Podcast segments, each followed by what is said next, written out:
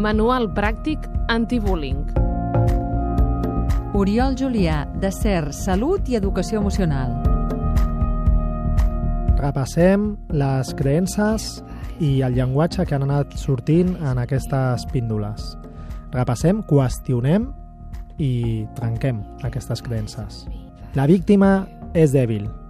Aquesta és una creença. No, la víctima no és dèbil.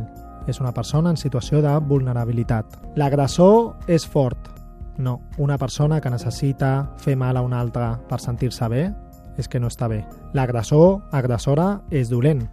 Necessita la mateixa ajuda que nosaltres, que altra. Necessita la mateixa ajuda que, per exemple, la víctima. També té una manca d'autoestima i hem d'ajudar a omplir aquesta autoestima d'una altra forma. Jo no puc fer res. Aquesta és una altra creença, és una altra por. A vegades només acompanyar a aquesta persona que està rebent ja fa molt. A vegades només comunicar-ho ja fa molt. La violència és normal, no ha de ser normal. I que sigui normal, què significa normal? No mal? No. Hem d'aconseguir canviar això. Hem d'aconseguir que lo normal sigui el benestar.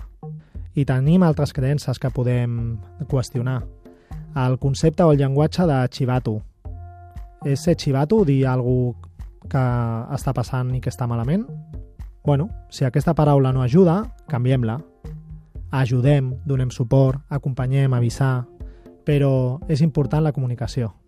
Qüestionar totes les meves creences i el meu llenguatge és començar a treballar el tema del bullying.